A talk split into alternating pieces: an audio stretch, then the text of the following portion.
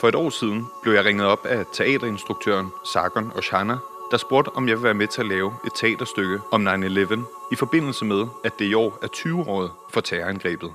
Sargons idé var, at jeg skulle finde og interviewe folk, der overvejede 9-11, eller som har en særlig viden om terror. De fortællinger og optagelser skulle så skabe fundamentet for teaterstykkets manuskript. Nu er stykket færdigt, og det får premiere på Store Scene på Odense Teater den 11. september under titlen Terror is Me. Men det stod også klart for os undervejs, at meget af materialet var så stærkt, at det ville være synd ikke at bruge det på andre måder. Så derfor har vi lavet den her miniserie, hvor du kommer til at møde en efterretningschef, den danske ambassadør, flere øjenvidner samt den kvinde, der kom med det sidste tog, der forlod stationen under World Trade Center. Interviewsene er optaget, da coronakrisen peakede, så de fleste af dem er lavet over internetforbindelser, hvorfor lydkvaliteten ikke er lige god på dem alle sammen. Det håber jeg, at du vil bære over med. Mit navn er Sigurd Hartkorn Pletner. Velkommen til. Mit navn er Annemette Lundtofte. Jeg er forfatter og øh, var i New York den 11. september. Jeg kom til New York i 1995, fordi jeg havde fået et Fulbright Scholarship til at tage en masters ved New York University i Comparative Literature. Da jeg kom derover, var jeg ikke ellevild med byen. Øh, jeg synes, det var for varmt der i august. Øh, jeg synes, den var for vild. Altså, der var for meget. Jeg havde svært ved at finde ro. Jeg kommer fra landet, så jeg, jeg skulle ligesom lære at navigere i det der urbane der. Men da jeg så havde gjort det, så ville jeg bare blive der. Men det har også at gøre med, at jeg var kommet over med en kæreste, som var fra England, og jeg kunne godt se, at det her, det ville være et godt tredje sted for os at være. Altså et sted, der ikke var England, og et sted, der ikke var Danmark. Og øh, han lavede film, så det var også et godt sted for ham.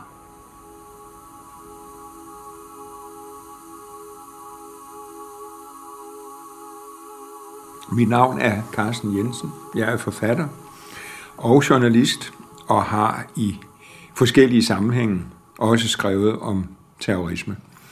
Altså man kan jo sige, at fundamentalisterne og terroristerne er både øh, Koranens stedbørn og modernitetens stedbørn. Fordi fundamentalismen er jo en moderne konstruktion det er ikke en vende tilbage til rødderne, for der er så mange versioner af islam. Og det er en moderne version, selvom den tager sig arkaisk og oprindelig ud, fordi den er en reaktion på moderniteten. Den strøm om renhed er en reaktion på det hedonistiske forbrugersamfund. Og når de er modernitetens stedbørn, så er det jo fordi, at moderniteten ikke har bragt dem andet end kleptokratiske regimer, der aldrig har skabt den form for velstand og højere uddannelse, som Europa og USA har haft. Og det har de været magtesløse tilskuere til, og det har skabt en dyb, dyb frustration, som har været et rekrutteringsgrundlag for, for fundamentalismen. I'm uh, Mick Casale. I teach uh, screenwriting at NYU Grad Film, and I write myself.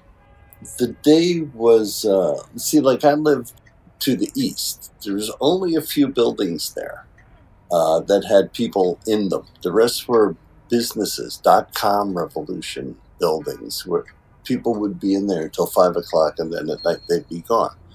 Uh, and it was an interesting place to live. There was no stores, no laundry, no supermarkets. You know what I mean? It was it was just a couple buildings here and there, generally populated by bands because they could rehearse all night and there wasn't anybody to disturb them. Every building had a couple of apartments in it. You know what I mean? It wasn't. It was a different world at that time. So every morning I would get up, get the paper, go sit in the tip of City Hall Park with the dog and read the paper, which is just you know a block away or something like that. I'm I'm not sure exactly how far away, but to the east. You see, you see, I mean, a lot of what you're hearing is from the north, probably but to the east was the neighborhood of the World Trade Center. There was a there was a, a, mall in the basement of it. It's where my daughter hung at the mall. That was her mall, and the kids would hang at that mall. You know what I mean? It was like uh, it's part of the neighborhood. I would walk the dog around the World Trade Centers and come back again. That was my night walk. You know, so it was just a, a building. And the it was an ugly building to tell you the truth. It was just like these two ugly buildings, but they were the center of the neighborhood. The the sun would pass by them. They would, if it was going to rain, you could see the clouds on them. You know, I mean, you, you, you use them in a certain way. Jeg hedder Henrik Rea, og jeg er tegneserietegner og bor i New York, i det kvarter, der hedder Battery Park City. Det ligger i downtown Manhattan, imellem Hudson River og der, hvor World Trade Center plejede at stå. Den 11. september 2001, der var vi lige kommet hjem fra ferie. Jeg bor cirka 200 meter fra, hvor The World Trade Center plejede at stå. Og min ældste søn, som var fem år dengang, han var lige begyndt i børnehaveklassen, og min kone var lige begyndt at arbejde igen. Hun arbejdede op i Midtown. Hun var tøjdesigner dengang. Og min yngste søn, han, øh, han var hjemme hos mig. Han var ikke fyldt to endnu. Han var rimelig lille, så han rendte rundt og tullede, mens jeg arbejdede hjemme. Øhm, den måde, vi plejede at gøre det på, det var, at øh, min kone, hun tog min ældste søn hen i skolen, og så gik hun over og tog Subwayen på arbejde. Øh, der lå en Subway-station ikke særlig langt fra hans skole. Øh, hans skole lå cirka 300 meter nord for der, hvor The World Trade Center plejede at stå. So I'd get the paper and I'd sit in the park. And, and before, in the 90s, somebody tried to blow, blow them up. And their theory was that if they could put a truck full of explosives under the uh, one of the sides of the World Trade Center, it would just naturally it would blow up and it would fall.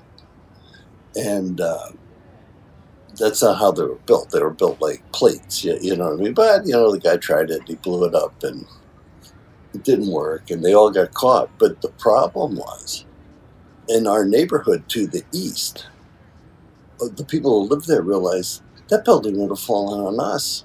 you know, that plan was to actually have the building fall on us.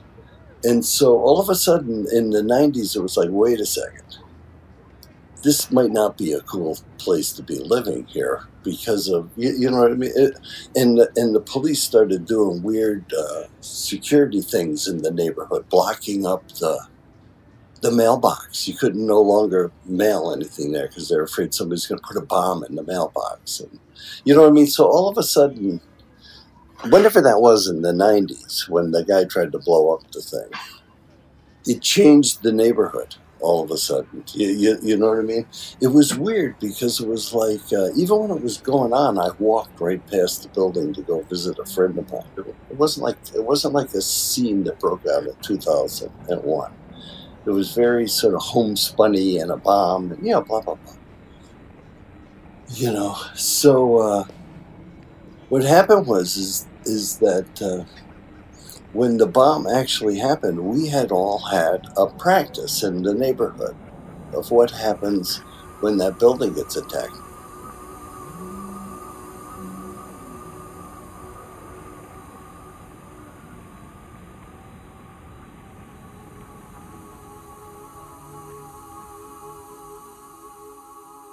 Ja, jeg hedder Ulrik Fedderspil, og, og øh, jeg har en lang karriere i Udenrigs- og Statsministeriet, men den 11. september, eller rettere fra 2000 og til 2005, var jeg Danmarks ambassadør i USA med bopæl i Washington.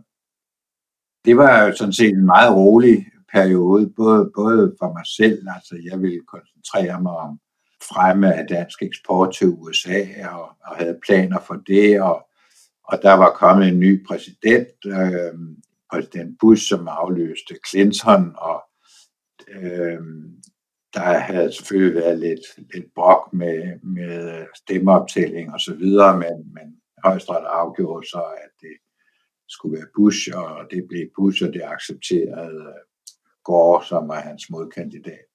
Men bortset fra det, og økonomien gik fremad, og, og alle, alle var sådan set, mange var glade, og der var ro i Washington og i USA. Øhm, og så pludselig som i ordets eneste forstand lyn fra en klar himmel. Fordi 11. september var det en klar himmel, fuldstændig øh, blå himmel, både over Washington og, og New York.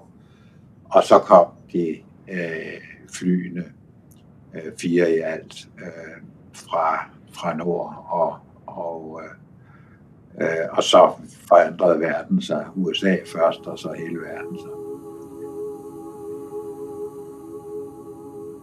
Altså jeg læste en, en interessant analyse af en tysk filosof, der hedder Wolfgang Sofsky, som har skrevet en bog om vold, og hvor han spekulerer over, hvad der foregår i hovedet på mænd, der er i færd med at begå en massakre. Og, øh, og hvor han sådan ligesom siger, at det, det der er interessant er ikke, om de er ligesom, hvad skal vi sige, er sadister. Øh, han siger, at det der er mere interessant, det tror jeg, det er, at de oplever, den de agerer i massakren, det oplever de som den ultimative frihed. De bliver grebet af en almagtsrus. De kan gøre alt. De er på en måde, som skaberen selv. De er bare ødelæggerne. Men det er lige så stærkt og voldsomt. Og der tror jeg jo, at, at i, i den altså, hvad skal vi sige, individuelle motivation for at blive terrorist, der er også den søgen efter magt. Efter det sus, magt kan give. Og som jo selv i en veltilpasset hverdag, hvor du har ligesom fundet, øh, du har et arbejde, du har en kæreste, du har måske endda børn og sådan noget, og det fungerer, og du er nogenlunde tilfreds. Men det der sus oplever du jo aldrig. Det der beruselse af dig selv. Den skal du i ud i ekstreme situationer for at komme til at opleve. Og, og det er nok også, det tror jeg, de søger. Og som jo også så er en kompensation for et liv, der på mange måder opleves som magtesløst. Hvor de ikke synes, de har kontrol over deres eget liv. Og pludselig får de total kontrol over andres liv, og gennem den oplever de en stærkt forhøjet selvfølelse.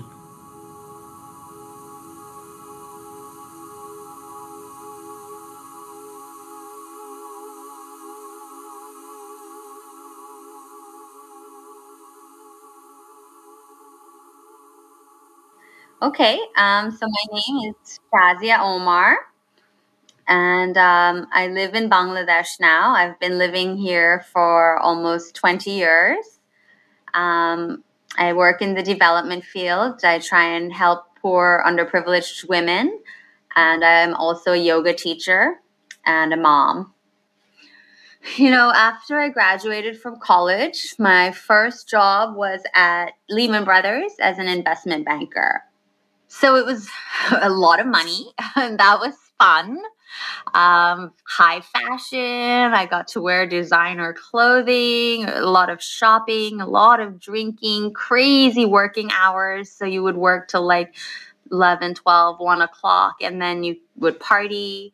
Um, and then there was like, you know, a lot of booze. And then you would have to wake up the next morning and go to work. And the corporate lifestyle attitude was very much about like being at work every day. It was there was a lot of FaceTime involved. So getting that whether you were delivering was less important. You had to be there all the time.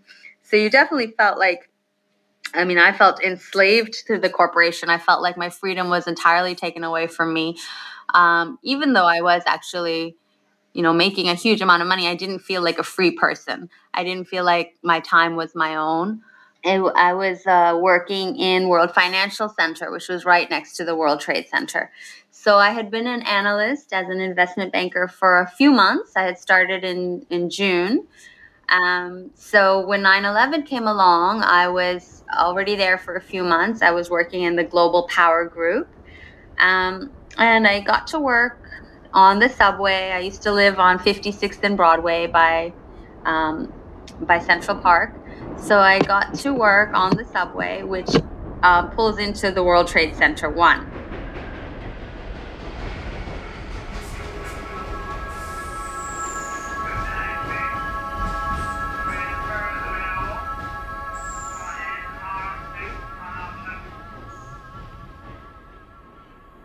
Jeg skriver min afhandling der, og bliver involveret i forskellige, du ved, danske projekter, hvis der er nogle danske digter derovre, så står jeg for det, og så er det blandt andet der med, at Jørgen Let tog fat i mig for at høre, om jeg kunne skaffe ham adgang til Lou Reed, øh, til han, han skulle øh, lave en film om nye scener, nye amerikanske scener, tror jeg den hed.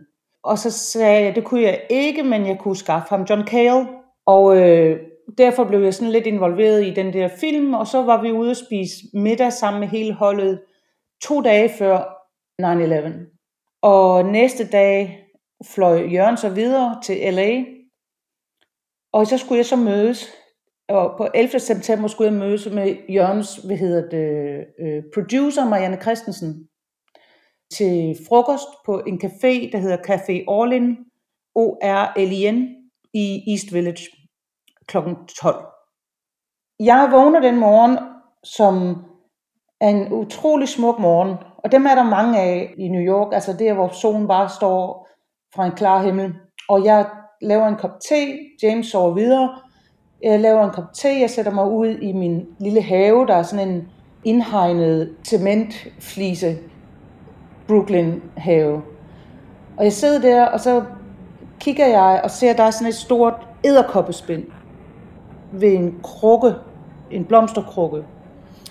Så ringer telefonen, det var dengang, der var fastnet, og jeg går ind og tager den, og så er det så Marianne Christensen, som siger, der 10 minutter i 9, jeg tror ikke, vi kan mødes, der er, der er et fly, der er fløjet ind i World Trade Center.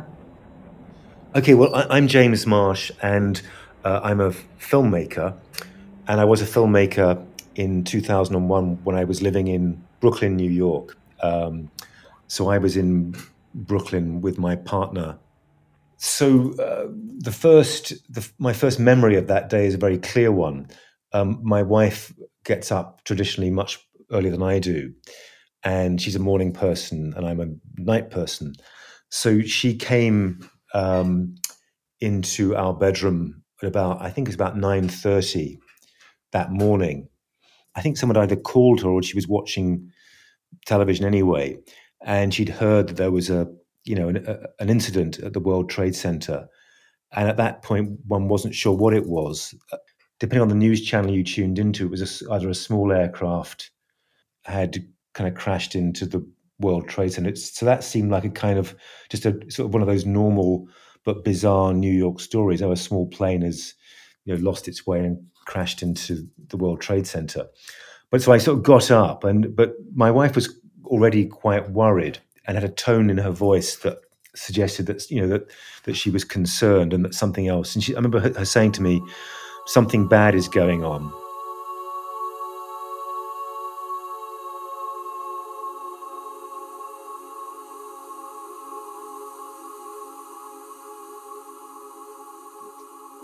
jeg beskriver, hvordan aften før tilfældigvis, jeg var sammen med gamle Bush, øh, præsident Bush, til en større middag, og der var alt roligt, og han jokede og så videre. Vi gik hjem omkring, han lidt tidligere, end vi andre, vi gik hjem omkring midnat, og, og alt åndede som sagt fred og ro. Indtil øh, mit fjernsyn, som kørte der om formiddagen og morgenen, øh, pludselig sagde speakeren, øh, øh, vent et øjeblik, der, der sker et eller andet. Når man kiggede skråt op for vores vinduer, dengang så kunne man se det nordlige tårn af de to World Trade Center tårn. Og det var september i New York. Det er som regel utrolig godt vejr i september i New York. Så jeg havde vinduerne åbne, og jeg var ved at lave morgenmad til min yngste søn, da jeg hørte et eller andet. Og det, jeg har hørt, det må have været det første fly, der kom flyvende ind lavt øh, men jeg var ikke klar over, hvad det var. Jeg kunne høre det komme ud fra, så jeg kiggede ud af vinduet. Og der kiggede jeg op, og der så jeg en eksplosion.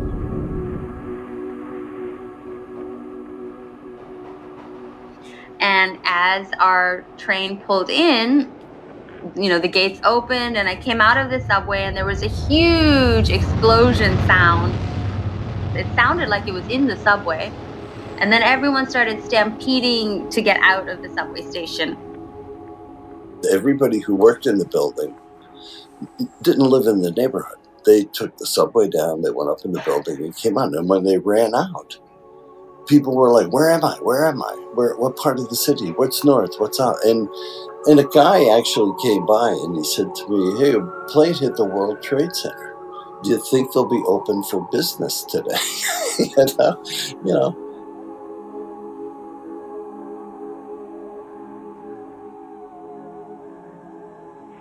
Du har lyttet til første afsnit af serien Da tårnene faldt. Hvis du vil se teaterstykket, der er baseret på de her optagelser, så hedder det Terror is Me og spiller på Odense Teater fra 11. september til 1. oktober. Serien er lavet for Odense Teater af People's Productions, lyddesignet af Kim G. Hansen og tilrettelagt, optaget og klippet af mig, og jeg hedder Sigurd Hartkorn Pletner. Tak, fordi du lytter med.